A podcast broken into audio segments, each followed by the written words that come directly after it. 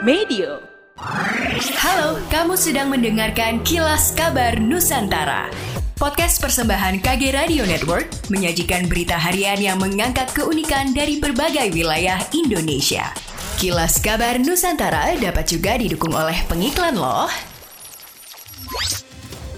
Pemerintah Provinsi Sulawesi Selatan melaksanakan gerakan pangan murah serentak di 24 kabupaten kota se-Sulawesi Selatan dalam rangka menyambut Idul Adha 1444 Hijriah. Penjabat Sekretaris Daerah Provinsi Sulawesi Selatan Andi Darmawan Bintang menyampaikan terima kasih kepada seluruh pihak terkait yang telah menyediakan berbagai kebutuhan masyarakat. Ia pun mengimbau masyarakat memanfaatkan momentum tersebut untuk memenuhi kebutuhan pokoknya. Di sisi lain, Darmawan mengatakan pemerintah terus berupaya meningkatkan kualitas dan kuantitas serta daya saing petani dalam ekspor pangan, sehingga petani menikmati peningkatan kesejahteraannya. Pada kesempatan yang sama, PLT Kepala Dinas Ketahanan Pangan, Tanaman Pangan, dan Hortikultura Provinsi Sulawesi Selatan, Kemal Redindo Sahrul menyampaikan terima kasih kepada semua pihak yang terlibat dalam kegiatan tersebut. Dia berharap kegiatan itu bisa bermanfaat untuk orang banyak. Secara khusus, Redindo juga memberi apresiasi sebesar-besarnya kepada para stakeholder yang terlibat dalam gerakan pangan murah serentak, di antaranya Bulog, Dinas Ketahanan Pangan, dan Hortikultura Kabupaten Kota se-Sulawesi Selatan, serta stakeholder lainnya. Wali Kota Malang Sutiaji melempar sejumlah batu kecil ke dalam lubang tempat ditandainya peletakan batu pertama pembangunan Water Treatment Plan atau WTP pada hari Senin 26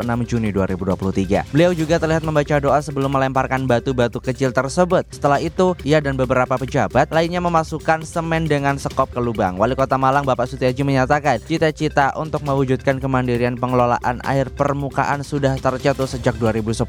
Kali ini harapan itu telah terwujud dengan mulai dibangunnya proyek WTP. Dalam dalam pidatonya, Bapak Sutiaji menyatakan jika proyek WTP itu telah dioperasikan, maka bisa mengurangi ketergantungan air dari Kabupaten Malang. Ke depannya, Bapak Sutiaji juga ingin ketergantungan air dari Kota Batu bisa dikurangi juga. WTP akan mengambil air dari Kali Bango, kemudian diolah untuk menjadi air layak minum.